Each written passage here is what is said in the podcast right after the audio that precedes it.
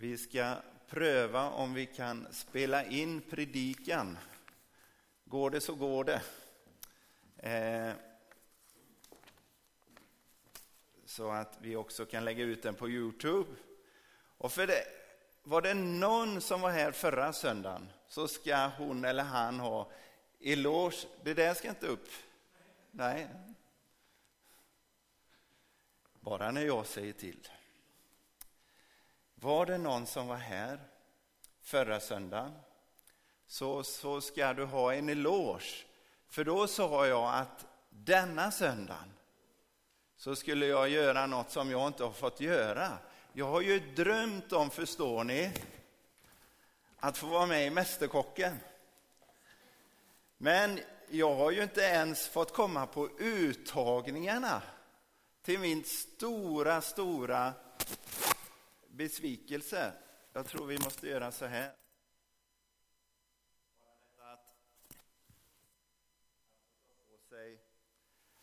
förklädet så här, vet du. det har ju varit min dröm. Eller hur Lotta? Va? Det är ett använt. Och så få rulla fram, rulla fram vagnen inför juryn och visa sina färdigheter. Det, det är ju verkligen någonting som jag har drömt om. Men jag har ju inte ens fått komma till uttagningarna. Så nu får jag ta, ta ut all min besvikelse på er och ändå är ni här. Det, det, det är ju helt, helt fantastiskt.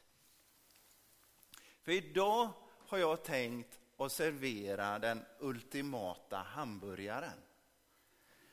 Psalm 23-hamburgaren. Har ni ätit den någon gång? Vi kanske inte tänker på det, men när de ursprungliga läsarna läste psalm 23 så tänkte de så här. Åh, David, han som har skrivit psalmen, David bjuder på hamburgare.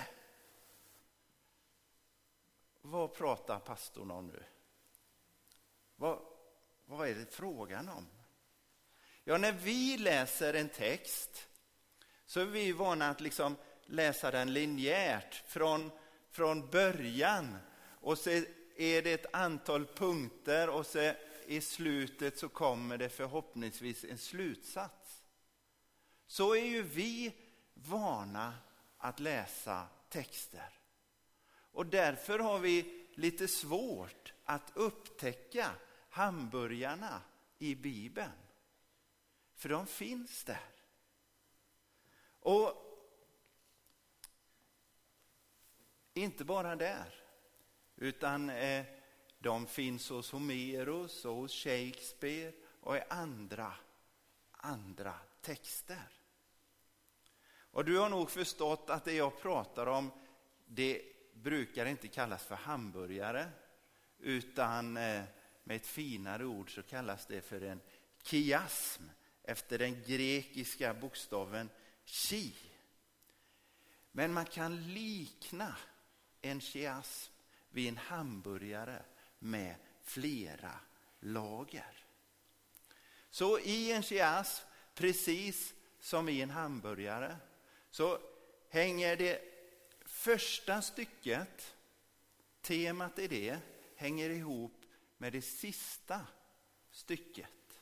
Och det andra hänger ihop med det näst sista och det tredje med det tredje sista. Så då kommer man fram till mitten. Det är där det göttiga finns.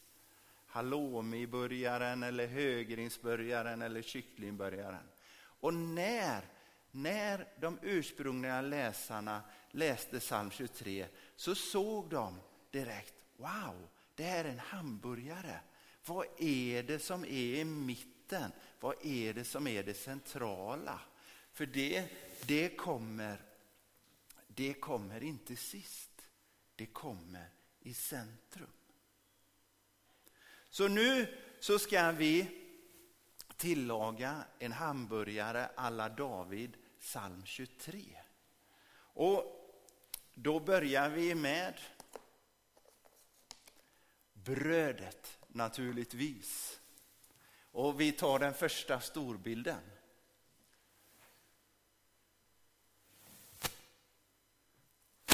Den är där. Den var stor också. Alltså, brödet är ju det som omsluter själva hamburgaren. Överst och underst. Överst så har vi Herren är min herde. Ingenting ska fattas mig. Och det understa brödet, din godhet och nåd ska följa mig varje dag i mitt liv. Och Herrens hus ska vara mitt hem så länge jag lever. Det som bara finns i den första och i den sista versen, det är Herren. Vi har också Herrens godhet, inget ska fattas mig och, och hans godhet ska följa mig.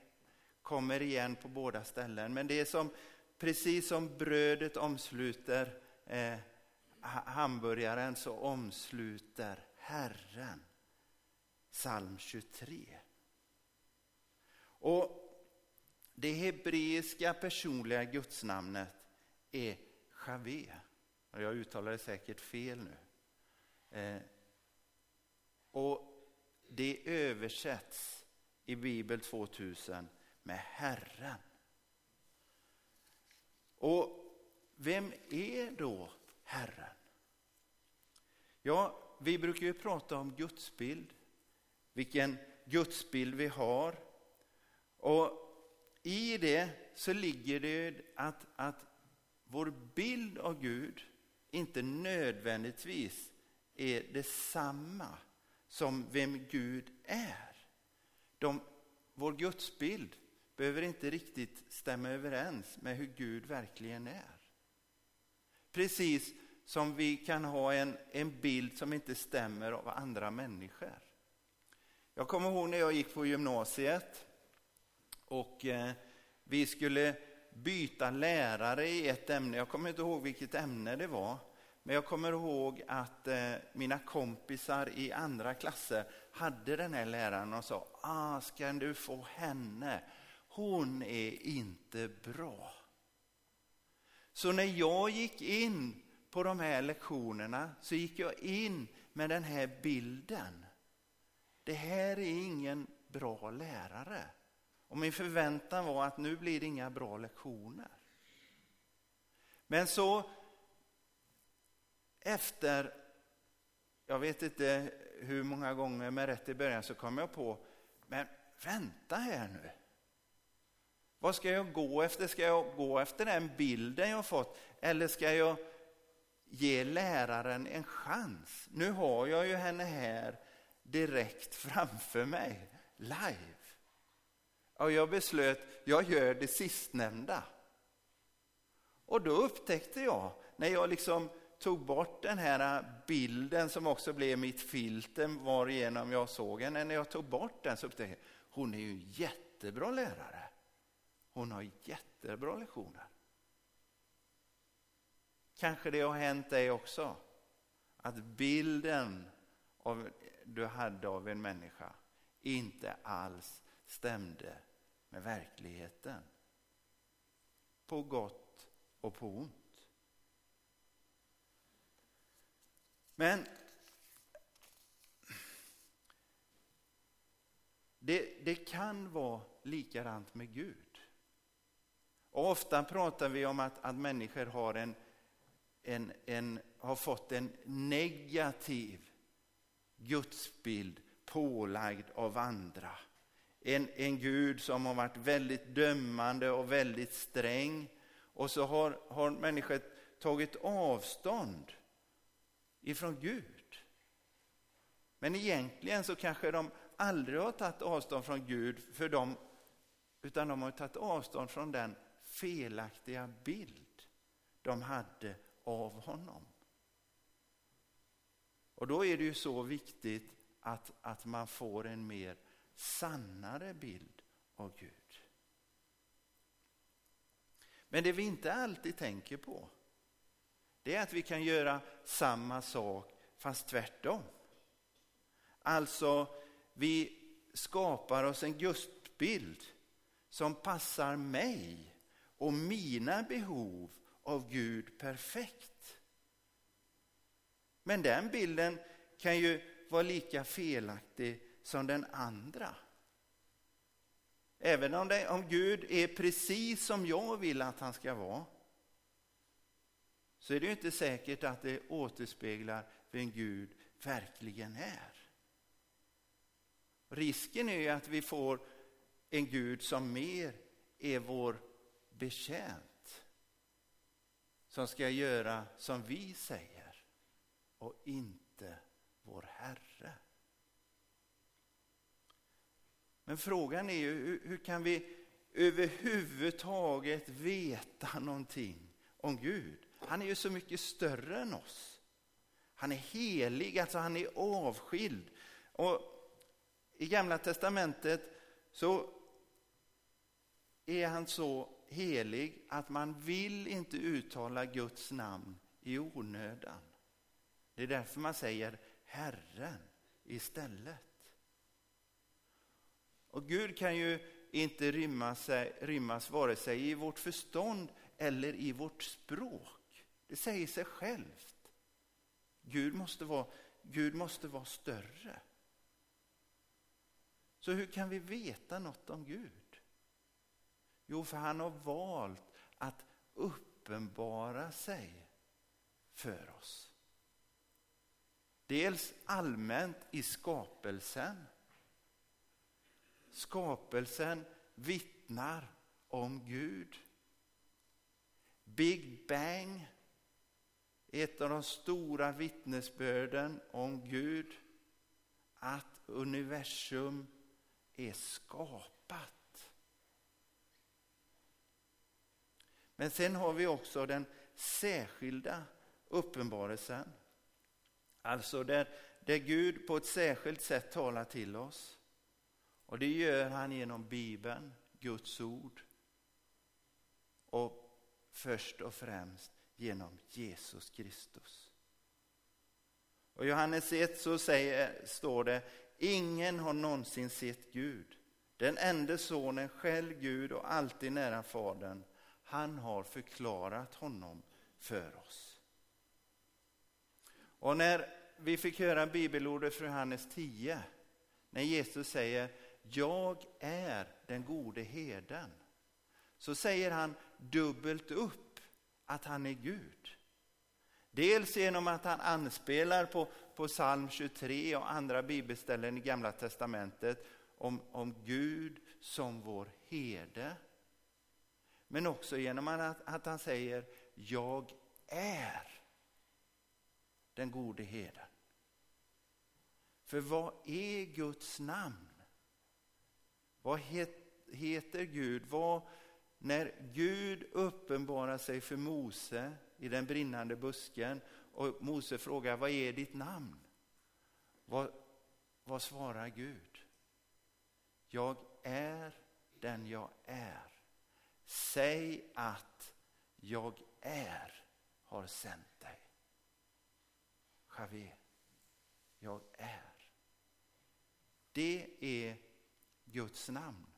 Och på sju olika ställen i Johannesevangeliet så säger Jesus här, jag är. Och vi tänker inte på det precis som vi inte märker hamburgarna i Bibeln. Men för judarna som hörde det så var det tydligt att han anspelade på att han var Gud själv.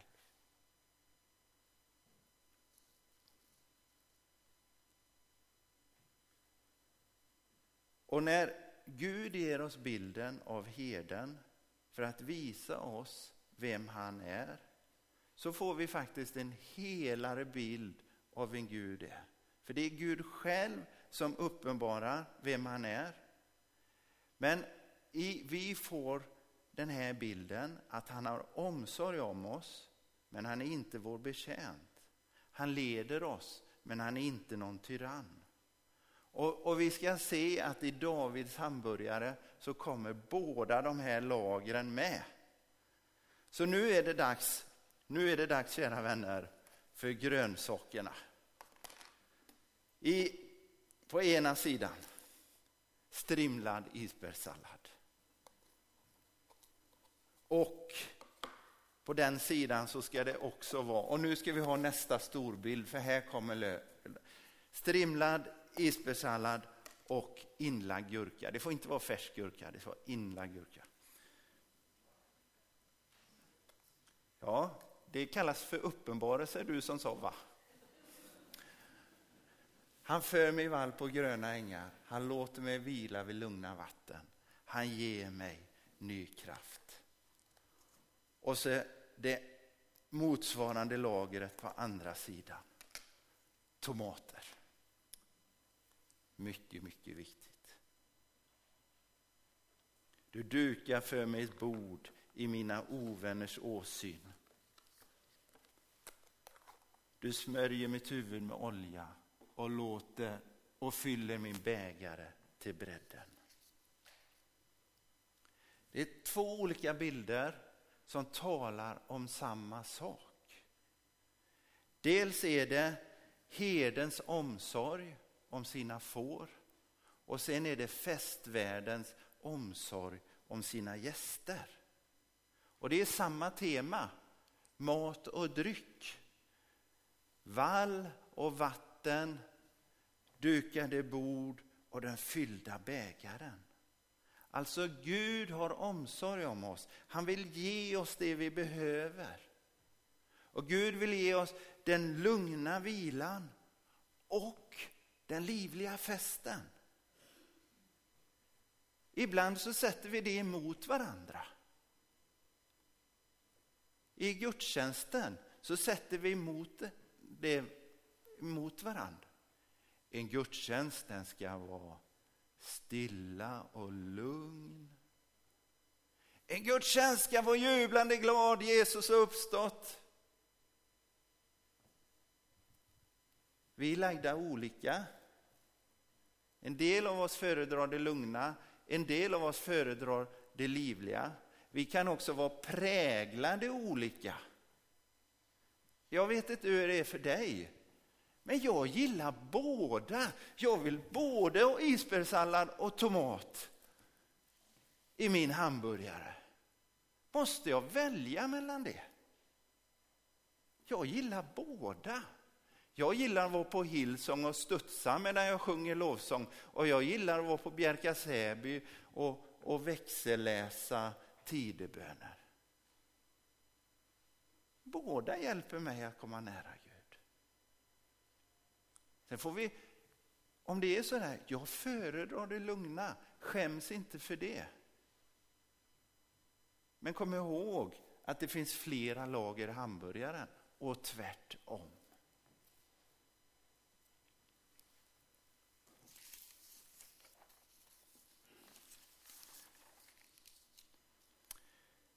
Nu är det dags för det jag gillar mycket. Det krämiga. Det krämiga. Och vi tar nästa, nästa eh, bild. Alltså, på ena sidan vid, vid isbergssalladen, inte på tomaterna, isbergssalladen, majonnäs. Rikligt. Oj, vad jag kommer få skäll när jag kommer hem.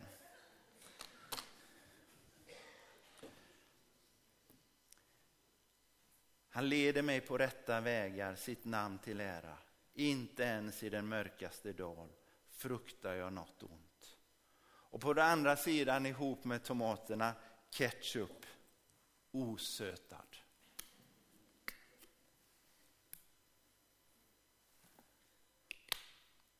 Din käpp och din stav gör mig trygg. De här lagren finns sida vid sida med omsorgens lager. Och de handlar om herdens ledning. Det är herden som leder fåren. Det är inte fåren som leder herden. En herde är inte anställd av fåren för att serva dem. Han är inte anställd för hans jobb är att se till att vi får får gröna ängar och vi får vatten och vi blir skyddade från alla faror. Där, därför så har vi anställt dig som vår herde. Därför har vi anställt dig som vår Gud. Nej, det är ju herden som är dess herre. Och Jesus, han gör ju faktiskt anspråk på att äga fåren. Han är inte lejd. För vad gör den lejde heden? Jo, den lejde heden överger fåren när det kommer motgångar. Men den gode heden ger sitt liv för fåren.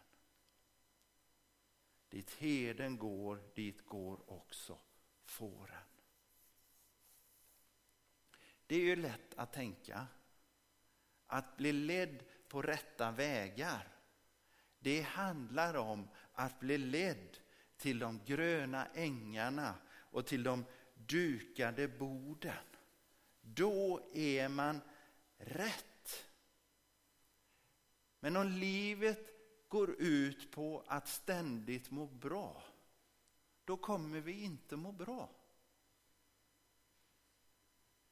Om livet ständigt går ut på att må bra, då kommer vi garanterat att inte må bra. För den verklighet vi lever i, den är inte sådan. För om vi tänker att vi ständigt, jag ska ständigt må bra.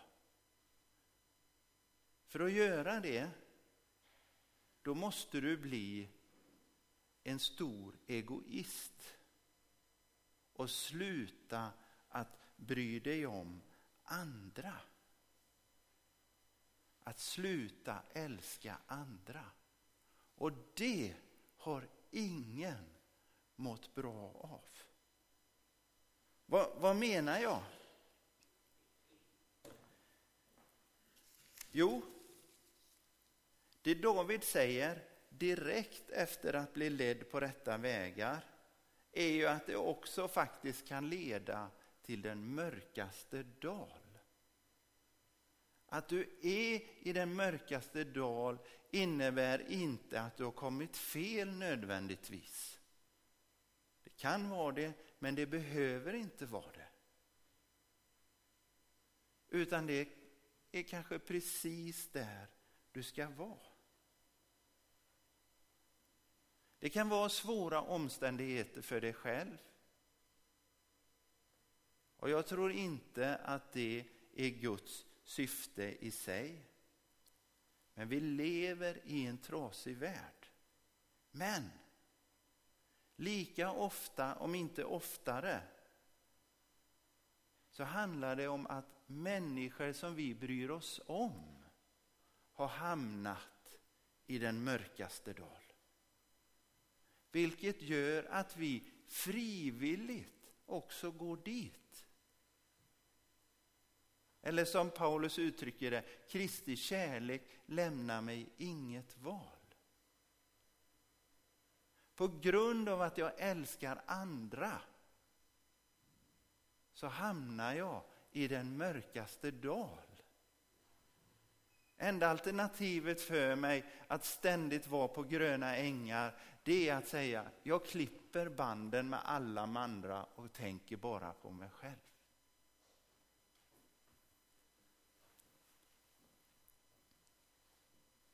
Att följa Jesus, den gode herden, handlar inte om att ständigt må bra. Det handlar om att ha ett mening och ett syfte för sitt liv.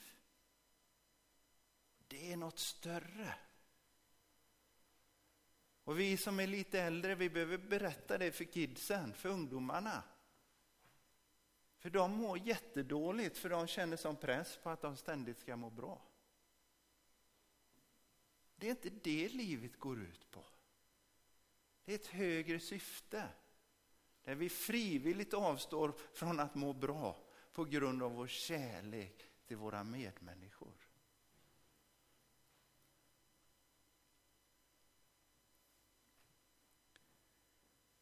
Det gör att jag är beredd att ledas till den mörkaste dal.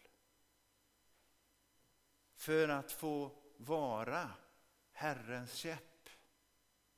Som var en kortare klubba som heden använde för att försvara fåren mot rovdjur. Eller var hans stav, den längre herdestaven som han använde när han ledde fåren, men också för att, ni vet de har ju så här böj, för att dra fåren rätt när de var på väg åt fel håll. Herden innehåller båda lagren, hans omsorg och hans ledning. Så nu, nu har vi kommit till det mittersta lagret. Till det allra, till det göttigaste. Du får välja själv om det är halloumi eller om det är högrevsburgare eller vad det är. Har ni räknat ut, visa inte storbilden än, nej, har ni räknat ut vad som är det göttigaste?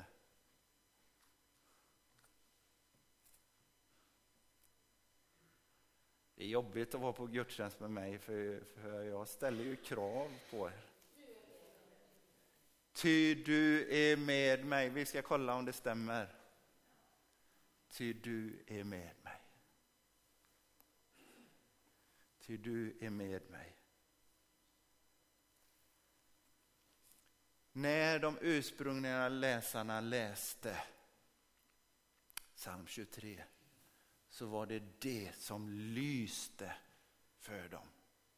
Ah, Gud är med mig, till och med i dödsskuggans dal, i den mörkaste dal, så är du med mig. Varför fruktar jag inget ont även om jag kommer få möta det? Jo, för att du är med mig. Att vi har det svårt är i sig inget bevis för att Gud inte skulle vara med oss, att vi skulle vara övergivna.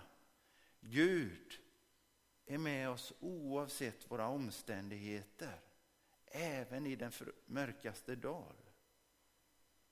Men kom också ihåg att vila på gröna ängar är heller inte i sig ett bevis på att vi skulle vara särskilt välsignade av Gud. Att han särskilt skulle vara med oss. Men när Jesus, den gode herden, ger sitt liv för fåren så är synden inte längre något problem för Gud. För Gud står inte synden emellan eh, honom och människan längre. För han har möjlighet att, att förlåta för han har försonat oss genom Jesus. Men för oss kan det fortfarande vara ett problem. För vi vänder oss bort från Gud. Det är det som är, det är, det som är synd. Att vi vänder vår bortvändhet från Gud. Att vi säger Gud, jag går först. Om du vill följa med så får du väl göra det, men jag går först.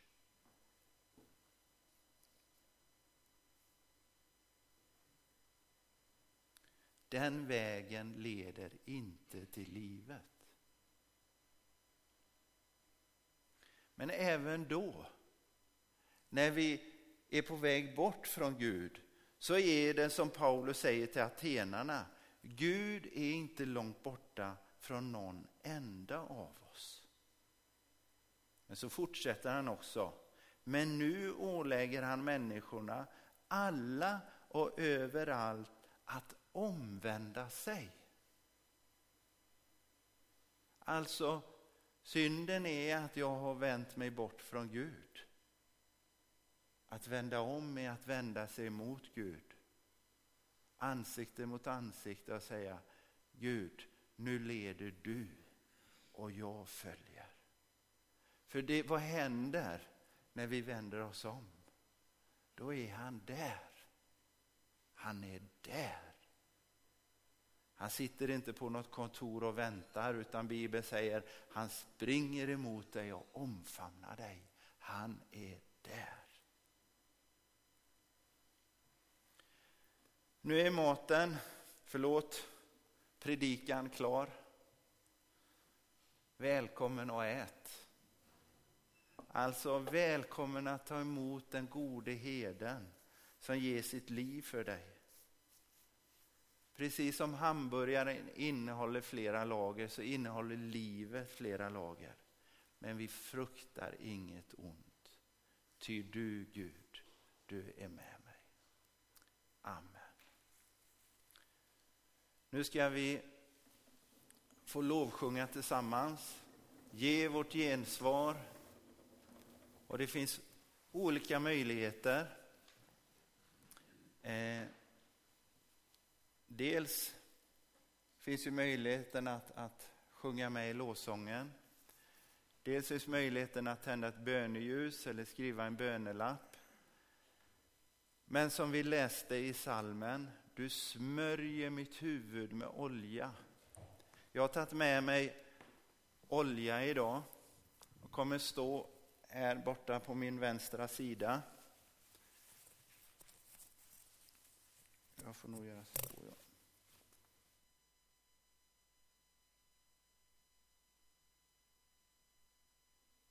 Eh, där kommer jag stå med oljan.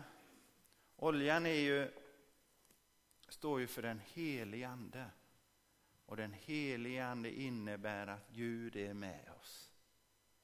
Här och nu är Gud genom sin Ande. Så vill du att jag ska be en bön om Guds närvaro i ditt liv så, så kan du komma så ber jag väldigt, väldigt kort och smörjer med lite olja på din panna. Vi börjar med att, att, eh, att, eh, stå upp om du orkar och sen sätter du dig ner när du vill.